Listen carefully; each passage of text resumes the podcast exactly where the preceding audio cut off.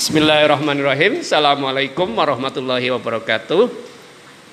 Sugeng pepanggian malih para pamirsa podcast Mutu Kehidupan wonten pundi kemawon panjenengan sak menika mugi tansah sehat lan rahayu. Eh sonten menika kita pepanggian kali sederek ingkang rada dangu mboten kepanggih nggih menika Ibu Sumani saking eh, Desa Semagar Girimarto. Semagar Girimarto. Girimarto Wonogiri Jawa Tengah.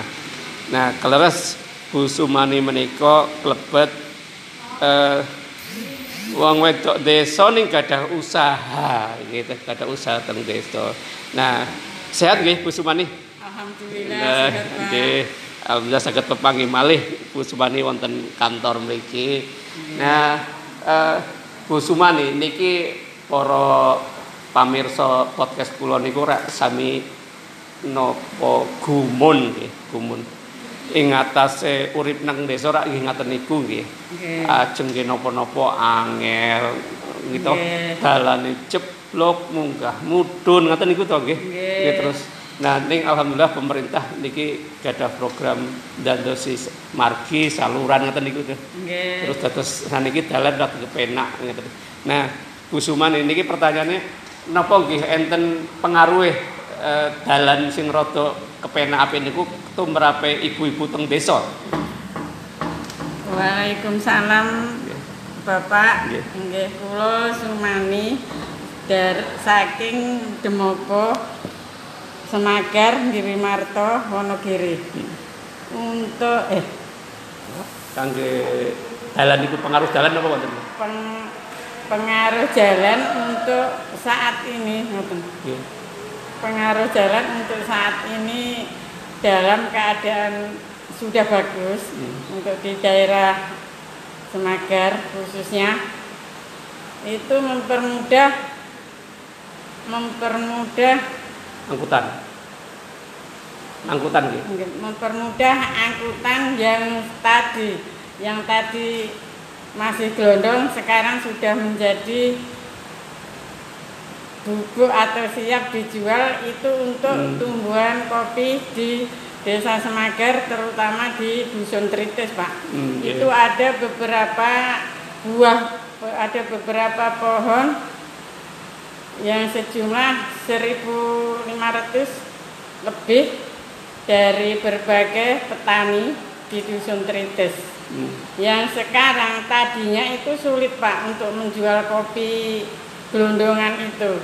Tapi setelah ada jalan yang sekarang sudah baik itu lancar mempermudah penjualan bahkan sampai ke tempat tujuan dan untuk harga kopi sekarang berani diambil harga ter diambil harga nggih Pinten harga tinggi. Betul. Kalau di pasar itu hanya sampai 12.000 di tempat kami sampai yang bagus setelah disortir 30.000 Pak.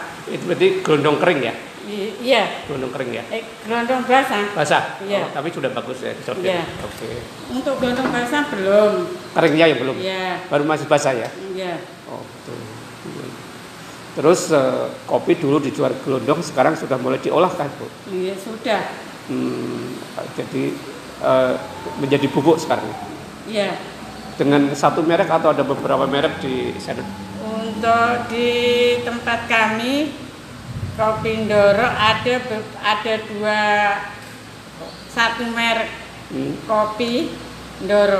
hmm, Terus untuk jenis itu ada robusta yang robusta itu ada dua dua varian yaitu dengan rasa asam dan pahit. Jadi campur pak. hmm. Namanya robusta tapi ada dua rasa gitu. ngoten. Dari jenis pohonnya juga berbeda ya? Iya. Oh, gitu. Terus jadi kalau Enggak, untuk satu, untuk dua robusta, eh dua eh, satu robusta, dua varian, satu pohon. itu pohon Du- iya, sudah Terus? mengandung dua rasa. eh, pahit dan asam. Pahit dan asam. Pahit dan asam itu dipengaruhi oleh apa bu? Pahit dan asam dipengaruhi oleh Oleh pengolahan atau dari Ah, alamnya? Enggak, ada oleh alam karena alam dilihat dari tanah, tanahnya sudah bagus. Gitu. Oh gitu ya. Oke. Iya, dari tanah. Oke. Unsur tanah yang bagus gitu. Oke.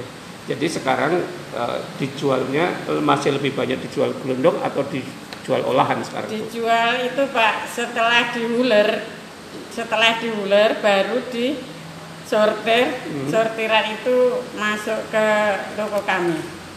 Gitu.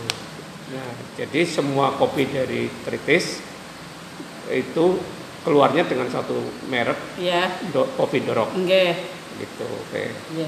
Jadi terus artinya para petani masih eh, dibanding dengan dulu sebelum ada kopi dorok eh, sekarang bisa keuntungannya terasa sekarang ya. Iya.